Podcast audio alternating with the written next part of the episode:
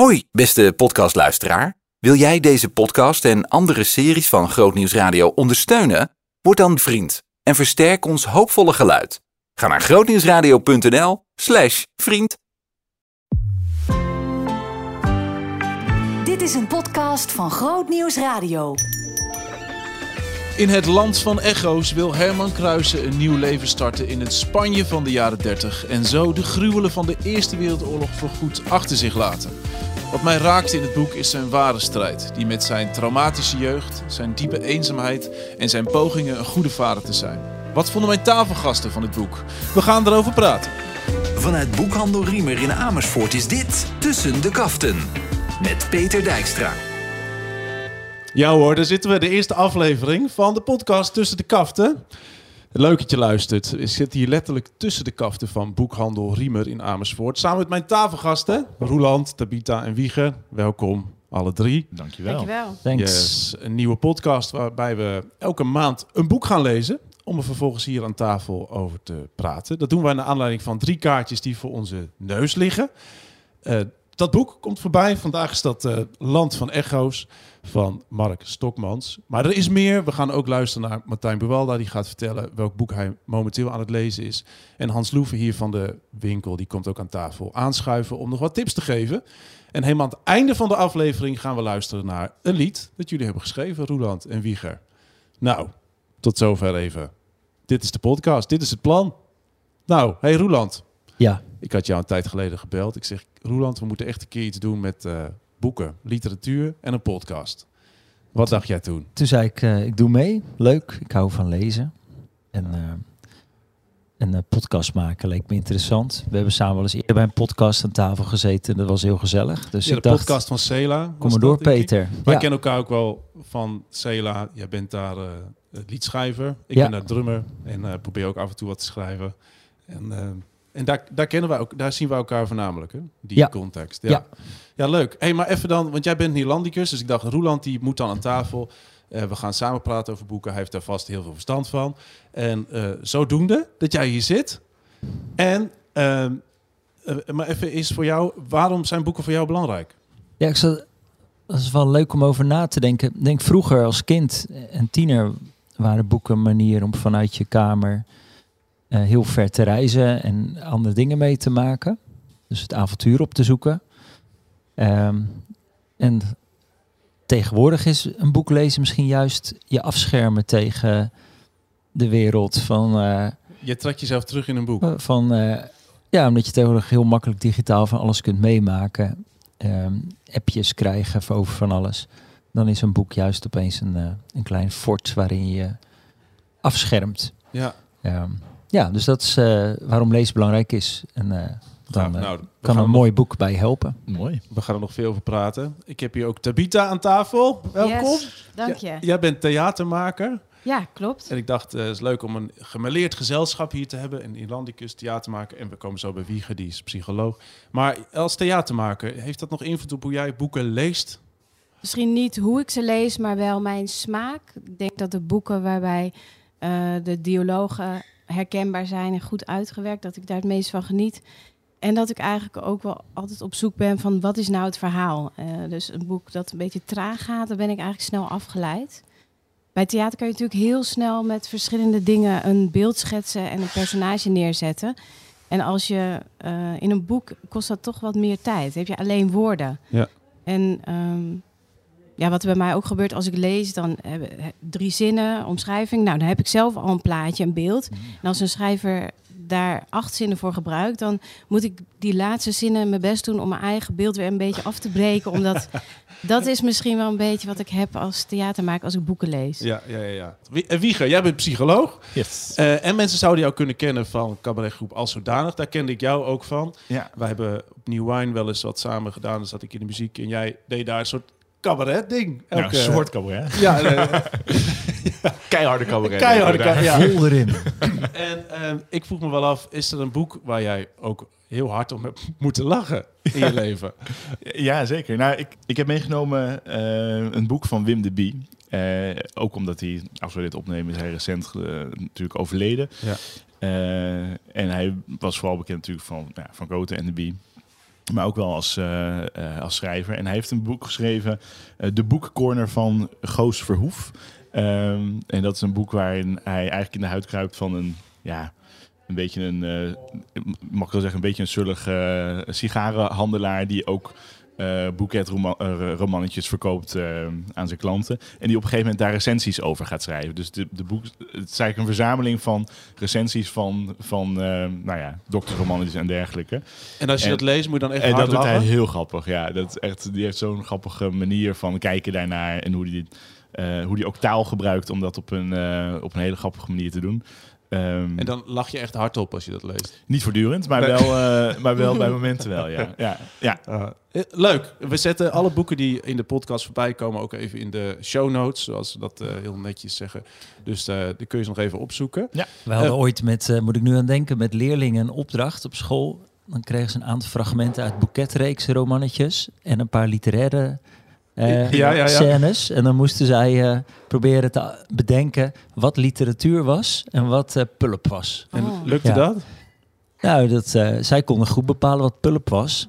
Maar dat ik weet niet of alle Harry Mulischje en eh, daar dan blij mee waren achteraf. Ja, ja, ja. ja. Ja. Nee, het is best wel lastig om, nog, om dat te achterhalen.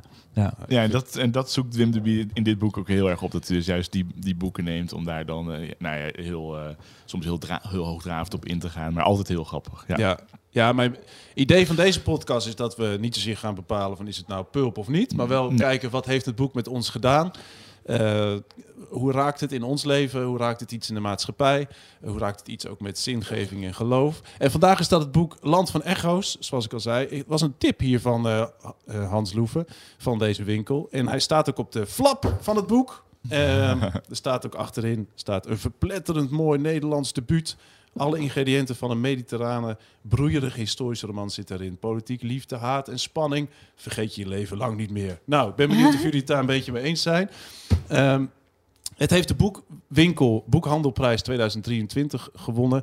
Een prijs die wordt eh, gegeven aan een oorspronkelijk Nederlandstalig literair werk. Waarvan de boekhandelaren zeggen die zou wat meer aandacht mogen krijgen. Maar uh, Tabita, neem ons eens mee. Wat, eh, wat hebben we hier voor ons liggen? Waar gaat dit boek over? Wat zie je op de kaften staan? Help Ah, mensen even die ja. nog nooit van dit boek hebben gehoord. Eh, het boek, het gaat over Herman, Don German. Ook eh, later in het boek.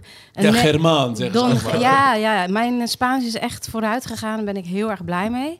Ehm, dit boek gaat over Herman, dus is een Nederlander, maar eh, hij vecht in de Eerste Wereldoorlog met de Duitsers mee. En daarna blijft hij in Europa een beetje ronddwalen.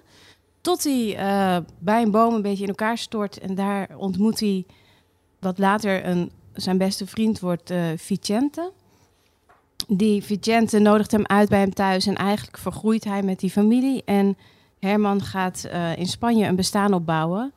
eh, in de tijd waar eh, de burgeroorlog lekker woedt. En dat is ingewikkeld voor hem. En dat lees je. Dus Ja. je krijgt veel mee van wat gebeurt er in die tijd. Ja, in die streek dan, want er gebeurt zoveel in Spanje en Ja, in 30, Europa. burgeroorlog, dat Ja. krijgen we allemaal mee. Franco, Zeker. hoppatee. En een groot het levensverhaal. Hey, ik ben benieuwd eh, wat jullie inderdaad hebben gedacht bij dit boek. En dat doen we naar aanleiding van drie vragen. Dus, Tijd voor een volgende vraag. er ligt hier een kaartje. Eh Roeland, zou jij eentje kunnen pakken en even kunnen voorlezen? Leest het boek makkelijk weg? Nou, Roeland, lees dit makkelijk weg. De vraag stellen is hem beantwoorden. Kom maar door. Ja, ik, eh, ik eh, begon met lezen en toen dacht ik, ik zet mezelf in de avonturenroman-modus.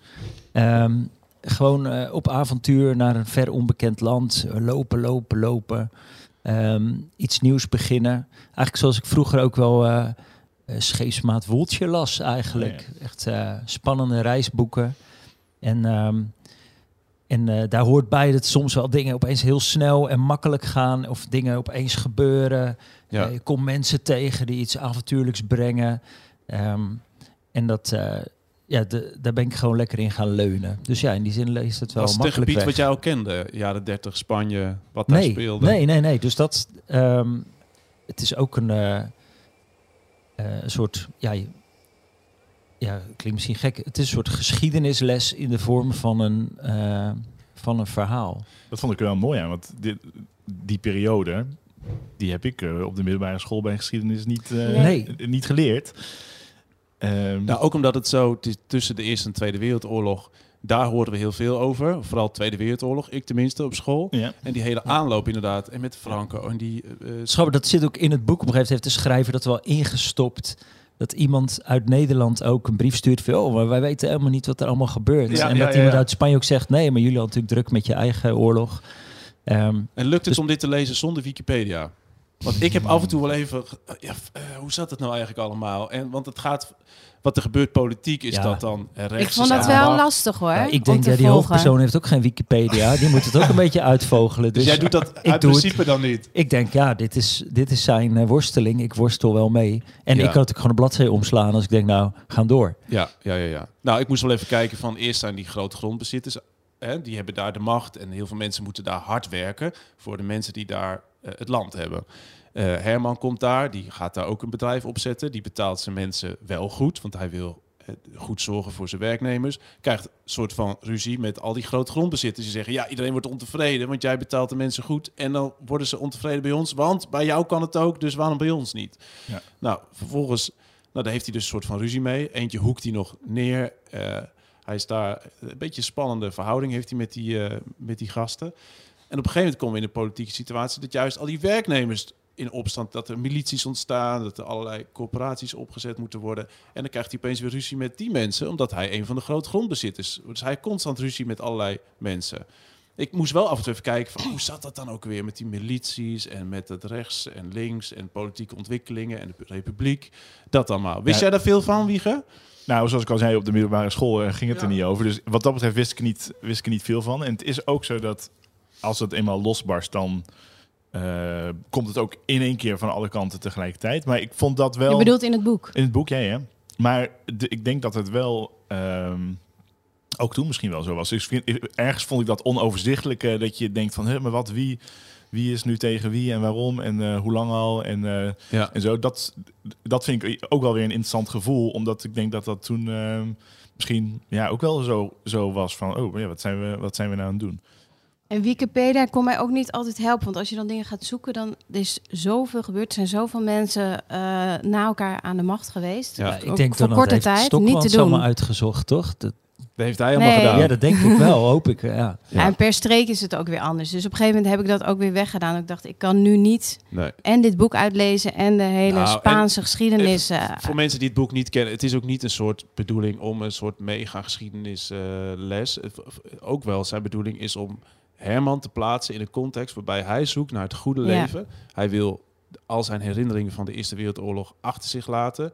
Hij heeft daar in de loopgraven hè, tussen de lijken gerend. En hij denkt, in Spanje wil ik gewoon een mooi huis. Wil ik een vrouw. Nou ja, die komt op een gegeven moment. Een vrouw. En eh, goed zorgen voor de mensen. En het goede leven. Samen eten. Dat soort scènes. Dan denk ik, oh ja, dat zou ik ook wel willen. Lekker eten s'avonds. Wijntjes. Veel wijn.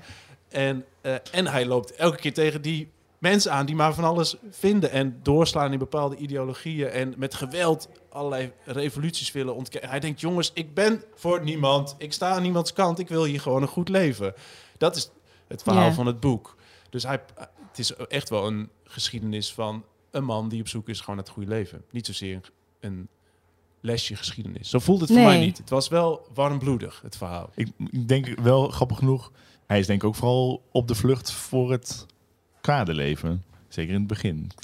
Hij, hij zwerft. Ik bedoel, Ja. in de allereerste, in de openingspassages zwerft hij eigenlijk sinds de, sinds de Eer- Eerste Wereldoorlog maar rond. En nu ja, landt, hij, landt hij ergens. Ja. Ehm, maar Ja. die, die, eh, die drijfveer, die, eh, die voelde ik in ieder geval wel bij hem. Ja, wat vond jij een mooie passage, Wieger, in dit boek? Ik lees even een stukje voor. Er is een gesprekje tussen Paco en Levi. Ik zal Wie is Paco en wie is Levi? Ja, ik wil net zeggen, ik ga niet te veel verklappen over wie Lees Paco voor. en Levi Ja, zijn. Maar het zijn twee, eh, het zijn twee jongens. twee varkens. Nee. Twee jongens in het verhaal. Twee jongens in het verhaal die elkaar, eh, die elkaar goed kennen. Eh, en ze praten met elkaar. En, nou, dan is het verhaal is al een goed stuk op, op streek. Maar ik vind het een interessante wisseling die ze hebben. Eh, want zij worden geconfronteerd met een paar jongens uit het dorp die ze uitdagen voor een, eh, voor een vechtpartij. En eentje daarvan, Paco, die gaat daar eh, gretig op in. En Levi, dat is de andere persoon, die, eh, die, die wil er eigenlijk niet zoveel van hebben. En die zegt, Paco, waarom moet dat nou? Waarom daag je hem uit voor een gevecht? Levi stapte met lange passen door, wilde zo snel mogelijk thuis zijn. Achter dikke muren waar het stil was en hij alleen kon zijn. Zelfs aan Paco wilde hij nu ontsnappen. Omdat ik met hem wil vechten. Soms moet je een beetje vechten. Levi hoorde de woorden van zijn vader, zo lang geleden uitgesproken. Hij herinnerde zich nog de verontruste blik van zijn moeder. Dat lost toch niks op? Paco draaide zich naar hem toe. Het lost juist wel wat op. Hoe je het ook bekijkt, aan wiens kant je ook staat, de oorlog heeft ook iets opgelost. Het gaat inderdaad een stuk beter nu. Meen je dat nou echt, wat je zegt? Ja, uiteindelijk wel. Mijn vader vertelde mij hoe het vroeger was, hoeveel armoede er toen was en de onderdrukking die er was, die was nog veel groter. We hebben misschien niet gewonnen, maar er is wel wat gewonnen. Paco rende een paar passen om Levi in te halen. Wat vond je hier mooi aan? Nou, ehm, wat ik hier mooi aan vind, is dat het eh, illustreert hoe anders dingen eruit kunnen zien wanneer je er van een afstandje of achteraf naar kijkt dan wanneer je er, ehm, wanneer je er middenin zit. En, en dat, eh, dat vind ik wel een, een, eh, een interessant onderzoek. Dat die, nou, die Paco die ook die burgeroorlog heeft meegemaakt en die voor hem net zo verschrikkelijk was als voor iedereen. ehm, erop, erop terugkijkt en eh, dan kan zeggen, ja, het was niet goed. ehm, maar het was wel nodig op een bepaalde manier. Niet om het te rechtvaardigen. Maar ik, dus, ja, hij heeft niet helemaal een supersluitend antwoord op. Want Levi heeft ook gelijk. Ja. Maar ik vind dat, dat eh, Mark op, een- op een interessante manier dat onderwerp bespreekt Ja, ja, ja. via deze di- dialoog. Dat vond ik mooi. Hey, en wat hier ook in zit, is dat hij refereert naar zijn vader. Dat is dan die Herman, hè? Die Levi refereert naar zijn vader. Spoiler. Eh, ja, spoiler, dat was spoiler. Nou, ik vind dat niet zo spannend, de Nee, spoiler. nee, nee. En dat is ook wel een thema eh, wat interessant is om straks nog even verder te bespreken. Eh, dus die rol van de vader van Herman en ook de vaderrol van Herman ten opzichte van Levi. Maar we gaan nu eerst eventjes kijken wat er op het nachtkastje ligt van Martijn Buwalda.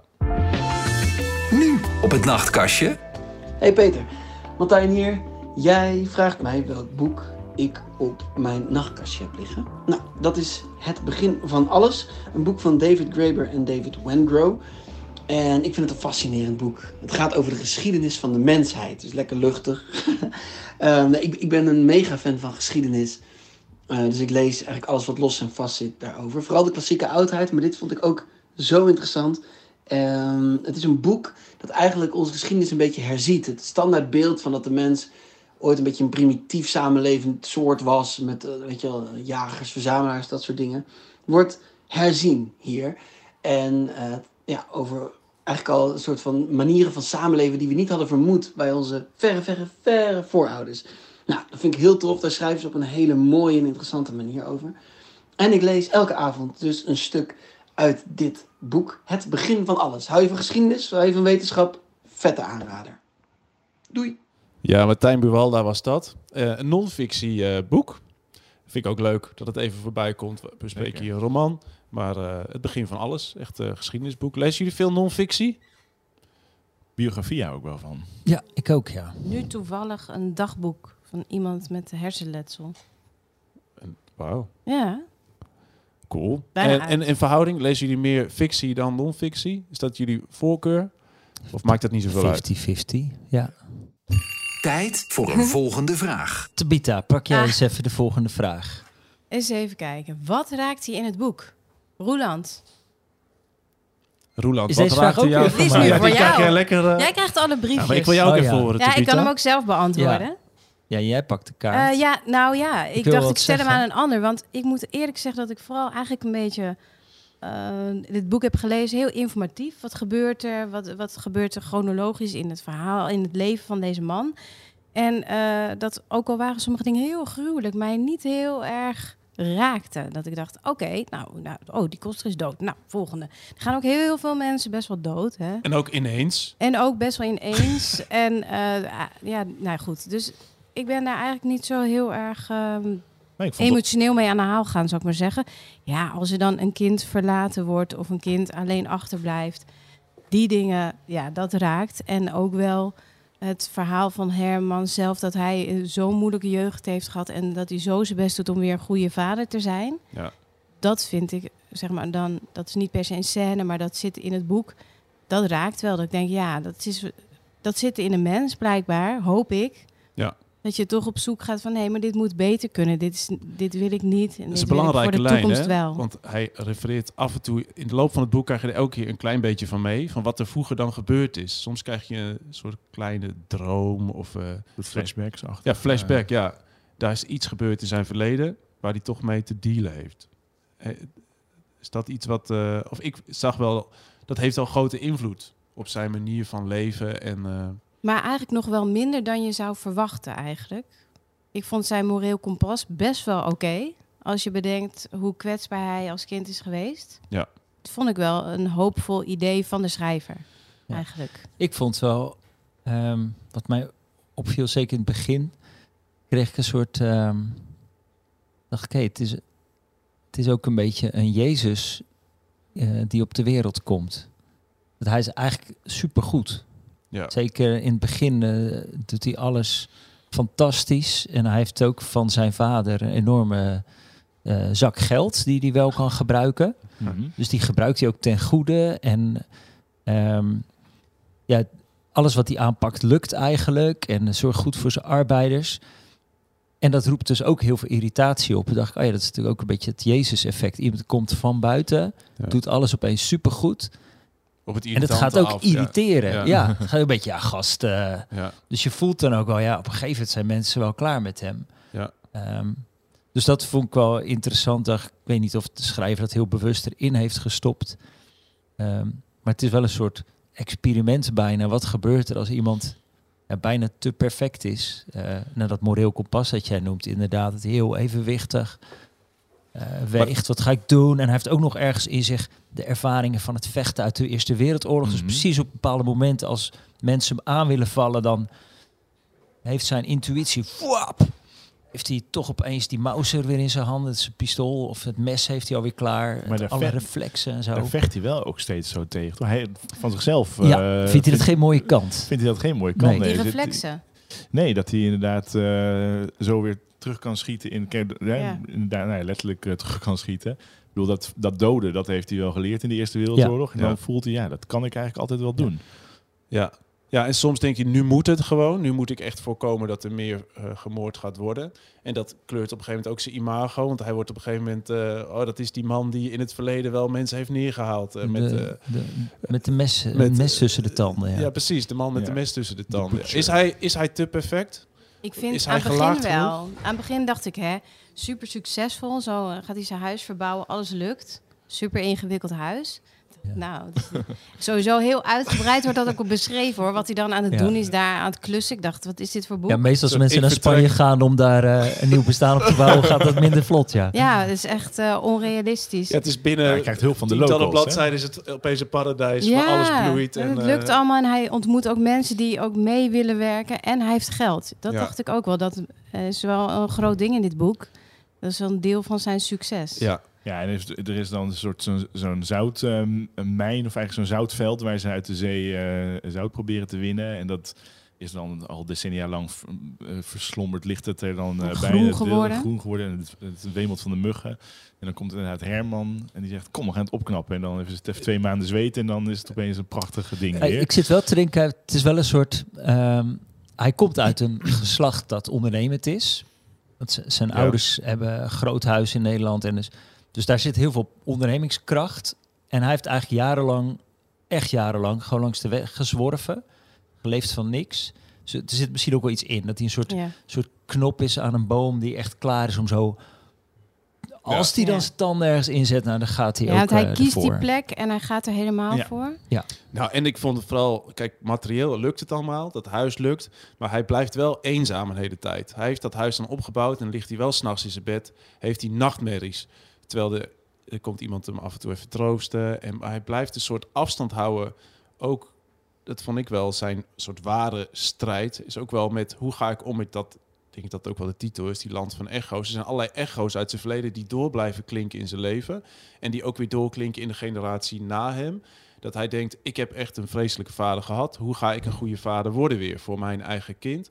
Hoe ga ik om met soort eh, interne, intrinsieke, of ja, hoe zeg je dat? Existentiële eenzaamheid bijna. Ja. Met angsten, met maar dat dromen. doet hij best wel goed. Want hij vond ik wel mooi dat ik dat hij dan op een gegeven moment besluit van nou weet je, oh mijn zoon, het, hij zoekt ook een beetje een klik met die zoon. Ja. lijkt een beetje een ander type te zijn. Maar dan denk ik, nou weet je, ik geef hem gewoon een hand.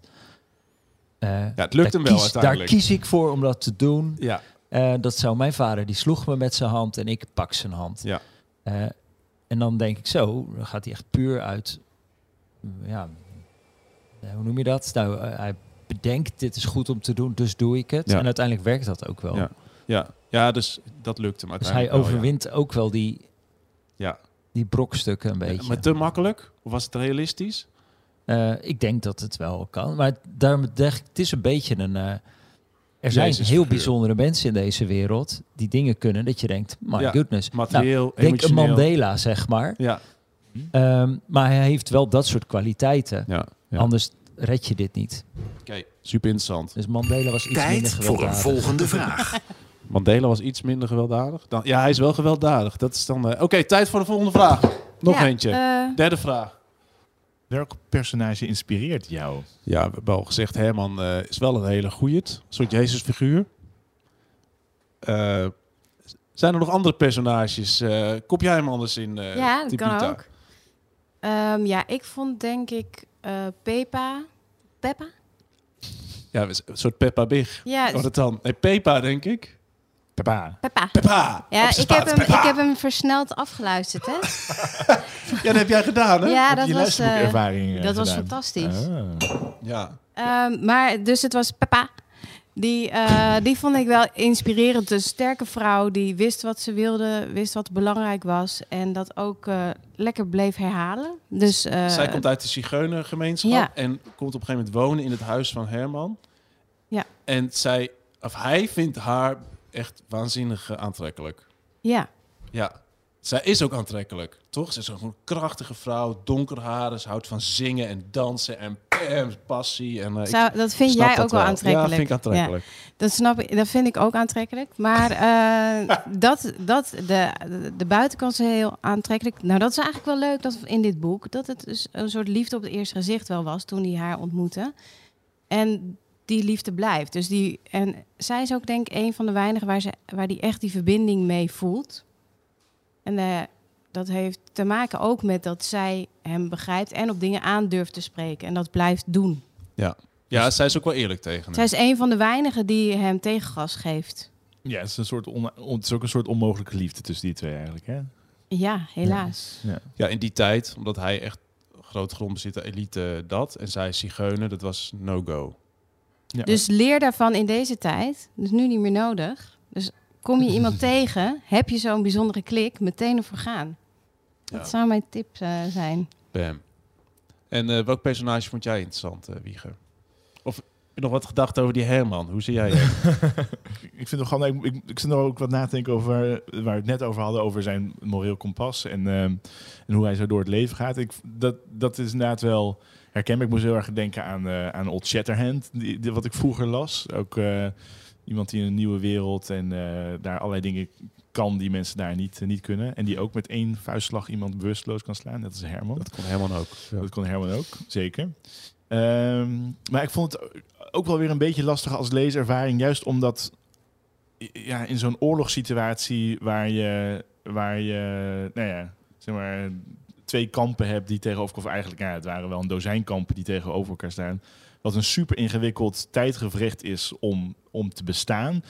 Ehm, dan komt Herman daar als buitenstaander, als Nederlander. Maar voor mijn gevoel ook wel een beetje als een moderne Nederlander. Met de kijk op nou, eh, hoe zou een maatschappij moeten werken? Dus hij vindt, nou, je moet je arbeiders gewoon goed behandelen. En, eh, maar ja, je moet wel ook uiteindelijk, de basis is wel de baas. Uiteindelijk best wel Ja. ja. een soort van middle of the road. eh, als we nou gewoon met elkaar gewoon Ja. vergaderen. Is hij te modern?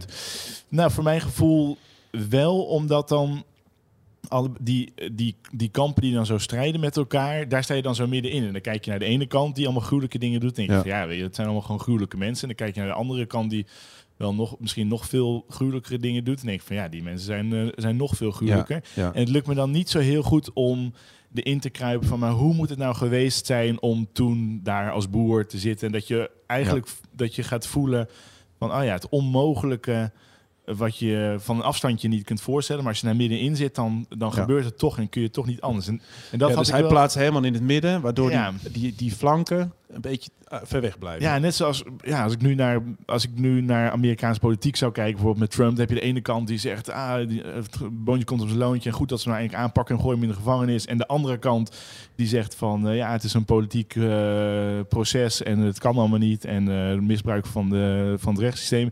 En ik denk vanuit Nederland, denk van ja, weet je, het is allebei niet helemaal waar. Het is, ja, ook hij moet zich aan de wet houden, maar ja, je hoeft hem ook niet meteen publiek te, te lynchen. En dan, ja, ja. ja. en dan denk ik, Ja. dat is voor mij vanaf de andere kant van de oceaan wel makkelijk zeggen. Maar ik vind het ook interessant als literatuur je kan helpen om Ja. juist, zeg maar... in- Had jij liever een boek gelezen waarbij je of helemaal zo'n boer was, of zo'n groot grondbezitter die gewoon, of eh, hè, een van beide kampen? Nou, liever, ja, ik, ik, ik vind het interessant als het me lukt om het te verplaatsen in Ja. iets en een begrip te krijgen voor iets wat eigenlijk ondenkbaar is op een bepaalde manier. Want dan, Ja, dat is de kracht van literatuur. dat, ja, dat. Denk ik, dat denk ik wel. En dat doet, dat doet, heeft dit boek voor mij niet per se Op een gegeven moment vond ik dat dat er wel in zat. Dat hij die kwaadheid dus omschreef van al die eh, groepen. Ja. En hoe dat dus steeds weer terugkwam. Dat ze dan die kinderen zitten bij elkaar in de klas. Iedereen is wel een familielid verloren. Iedereen eh, heeft iets gruwelijks gezien. Ja. Land en van dat dat dus, ja, Ja. En, en dat vond ik wel. ehm, eh, daar, daarin kon je wel, zeg maar.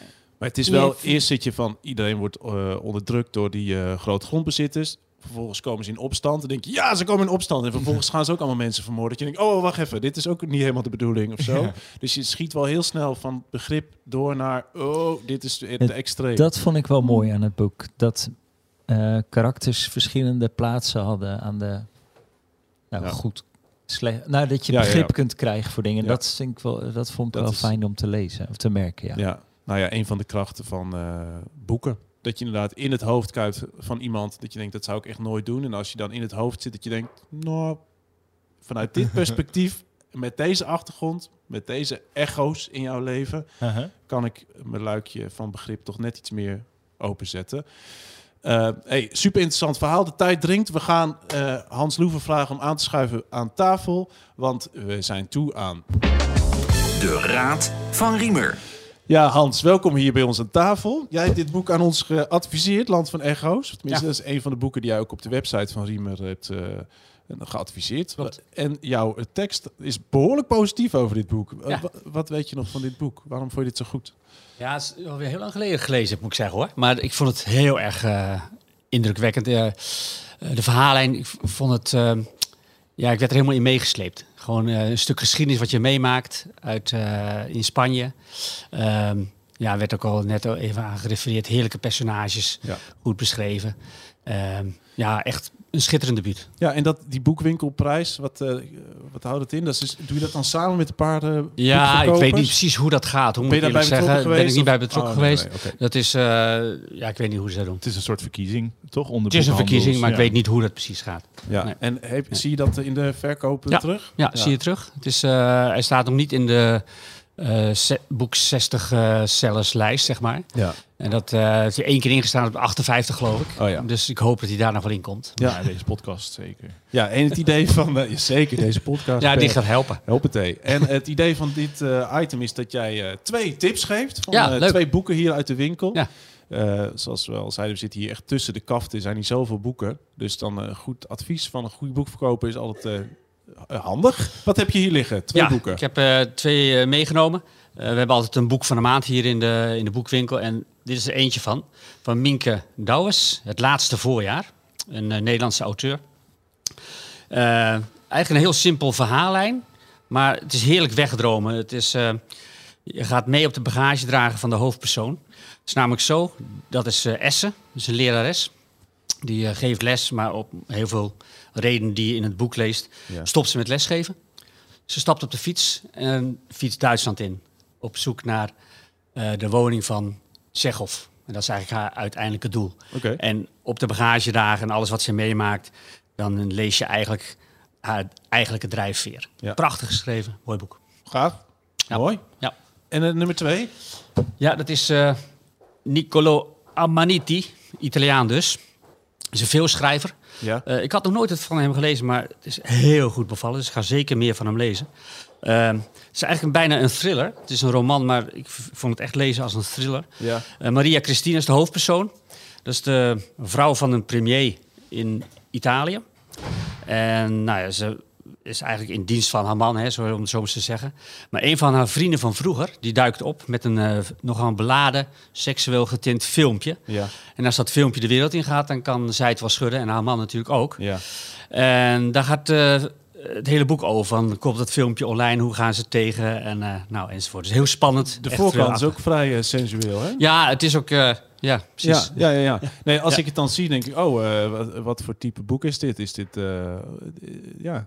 Ja, nou, het, goed, het- ook het intieme leven, dat zet natuurlijk ook al... eh, Ja, maar het is, het is wel zo'n boek, dat moet je aanraden. Je Ja. moet het echt eh, door iemand aangeraden worden, dan, dan ga je het pakken. Want als je het zo ziet, denk je, hé, waar gaat het over? Ja. Maar het is echt gewoon een thriller en ik verkoop het regelmatig, omdat ik het inderdaad aanbied ja, eh, en adviseer.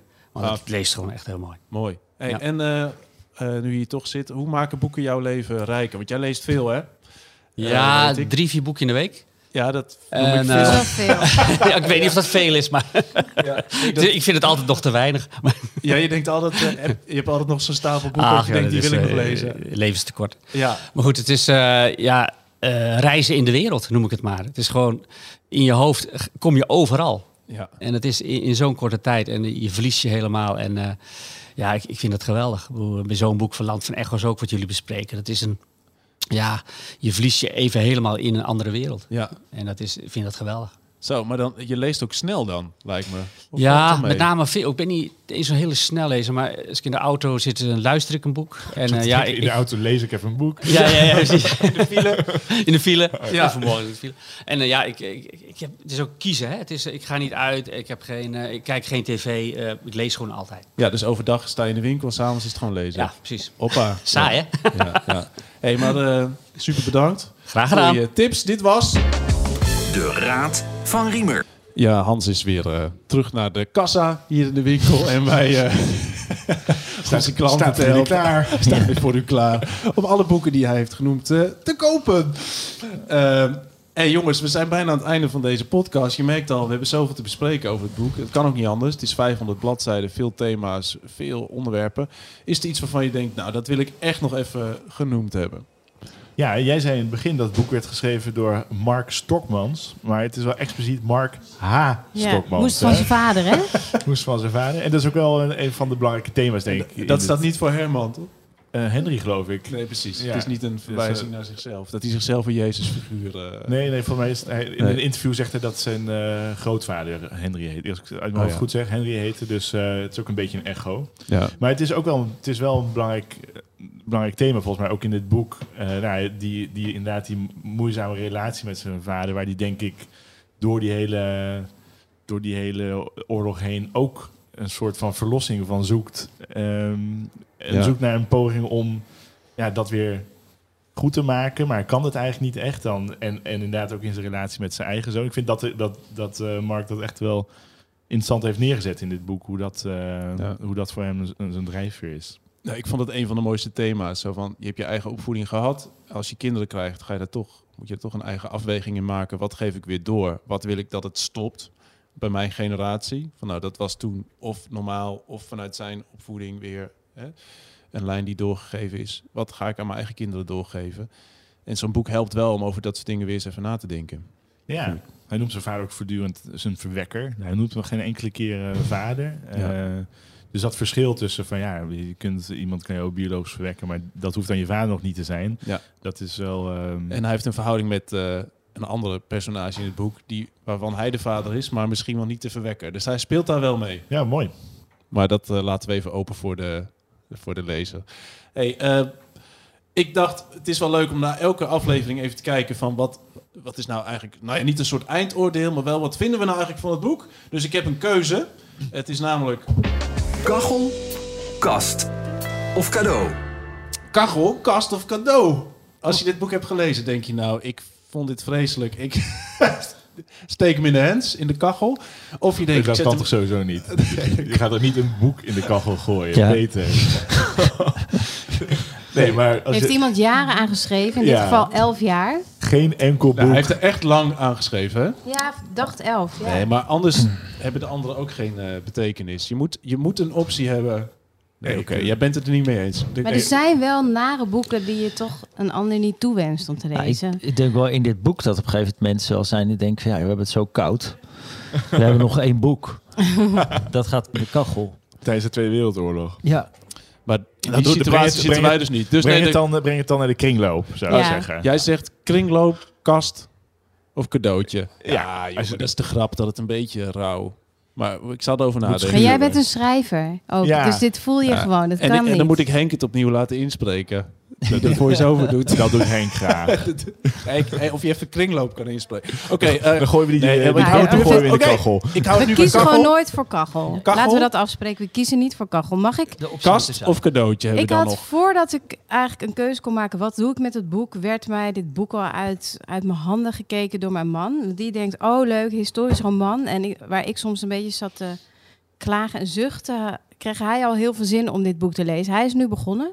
Dus je hebt dus, het cadeau eh, gedaan aan je Nou, man. hij heeft het eh, van mij gepakt, inderdaad. Hij vroeg heel blij, mogen we dat hebben? Ik zei, ja, dit heb ik gekregen van Riemer. Mag jij, mogen wij hebben? Ja, ja, ja. ja. Wauw. Hey, eh, dus jij geeft het cadeau aan je man. Ja, Ja, is dat ook echt de categorie van het boek? Je denkt, nou, dit vind ik echt de moeite waard als anderen het ook lezen. Nou, ik heb niet veel vergelijkingsmateriaal wat betreft de- dit soort romans. Dus ik weet het niet. Dus ik, en mijn man wel. Dus ik ben benieuwd wat hij ervan vindt. Oké, mooi. Roeland. Oh, dit is een prima boek om gewoon een keer aan iemand cadeau te geven. En aan wie zou je het cadeau geven? Ehm, ik denk dat ik het dan ehm, gewoon zo ergens neerleg. Misschien wel even in een kast, zodat je het kan zien. En dat iemand er dan naar kijkt, dat ik zeg, oh leuk, vind je het, wil je hem hebben? Bij, bij Oh. diegene thuis. Stie- Stiekem Dat kan ook. Ja, Achterlaten. ja, dat kan ook. Ja, ja, ja. Nee, maar dat, eh, het is... nou, met eh, cadeau bedoel je, dan ben je echt ambassadeur van het boek. Je zegt, dit zou echt iedereen moeten lezen. Dit, als je niet zoveel leest en je wil eens een keer wat gaan lezen, dan moet je echt dit een keer eh, bijvoorbeeld. Hè? Ehm, ja, maar dat, dat is het grappige van boeken natuurlijk. Er zijn gewoon... eh, ik ben wel eens die vergeten dat ik... Ah, dit boek moet je echt lezen. Dan denk ik zo, oh, wow, vind er niks aan. Ja. Dus ik vind het leuk eigenlijk eh, om gewoon even te kijken van... Hey, klikt het bij iemand? Ja, ja. Dus eh, ja, als iemand Ja, ja geïnteresseerd naar kijkt, dan eh, geef ik het. Geef jij het graag weg. Oké, Wieger. Ehm, ja, ik sluit me daar wel een beetje bij aan. Ik zou het wel passief, eh, passief weggeven. Jij zet het in je kast en als iemand langskomt, zeg je, hey, dit is een boek over Spanje. En als iemand dan aangaat en zijn ogen gaan glimmen, dan eh, geef je het mee. Ja, Ja. ja ik sprak laatst met een eh, vriend van mij die een tijd in Spanje heeft gewoond. En daar zou ik dan wel van zeggen, ah, dat is interessant, want eh, ik mo- moest ook aan hem denken tijdens het eh, lezen. Van, ik ben benieuwd hoe jij, hoe jij met de kennis van dit land dit zou lezen. Dus eh doe eens even. Gaaf. Ja. Mooi. Nou, ik geef het een mooie eerder plek in mijn kast. Ik vind het een heel waanzinnig gedaan. Ik, ik proef wel dat er veel tijd in zit. Wat je zei, hij heeft er 10, 11 jaar over geschreven of zo. Dat vind ik wel dat je dat merkt. Hij heeft zich goed verdiept in de geschiedenis en de omstandigheden. Het geeft een mooi inkijkje in de jaren 30. Ik vond een mooie thematiek in zitten. Wat, eh, ik snap wel wat je zegt. Als je iemand hebt die dat interessant vindt, bijvoorbeeld die plek van vader, hoe ga je om met de volgende generatie? Ik zou dat wel een mooi boek vinden om daarover verder door te praten met, eh, met iemand. Dus eh, voor mij krijgt hij een mooie plek in de kast. En als ik inderdaad iemand tegenkom die zegt, eh, interessant, dan geef ik het mee. hey, eh, mooi. We zetten het allemaal eh, toch wel heel positief, hè? Over het boek. Ja, mooi Ja. knap gedaan. Gaaf. Ehm, aan het einde van de aflevering. Jullie zijn allebei actief met liedschrijven en hebben gezegd... we gaan bij elk boek ook een lied schrijven. Ja. En eh, ook bij dit boek, Land van Echo's, een lied.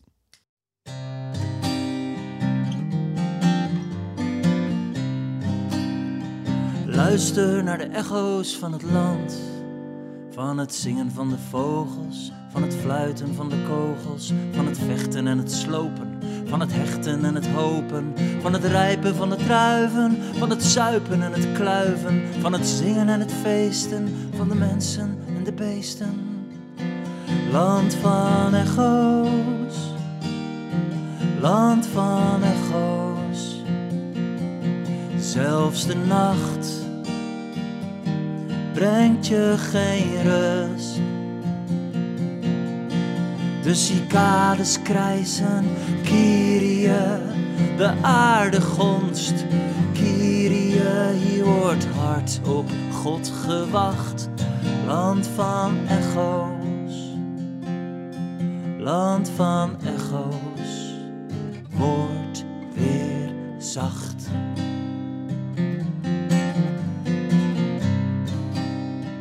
Luister naar de echo's van mijn hand.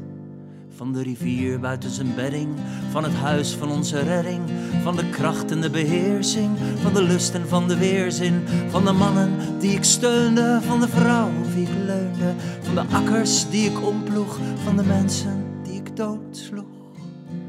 Land van echo's, land van echo's, zelfs de nacht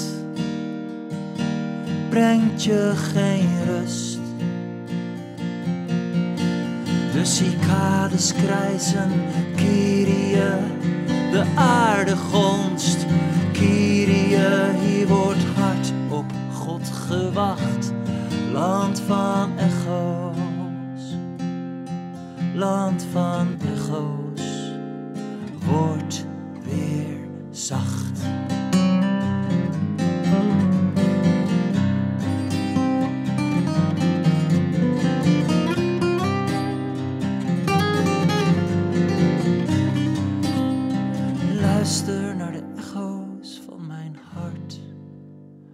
Van het gissen en het dralen, van het missen en het falen.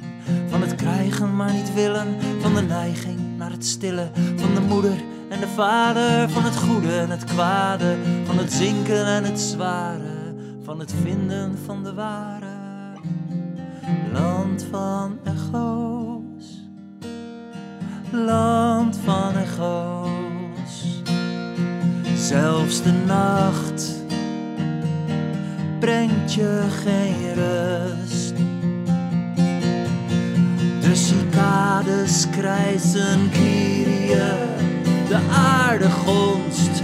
Kyrie, hier wordt hard op God gewacht. Land van echo's, land van echo's, wordt weer.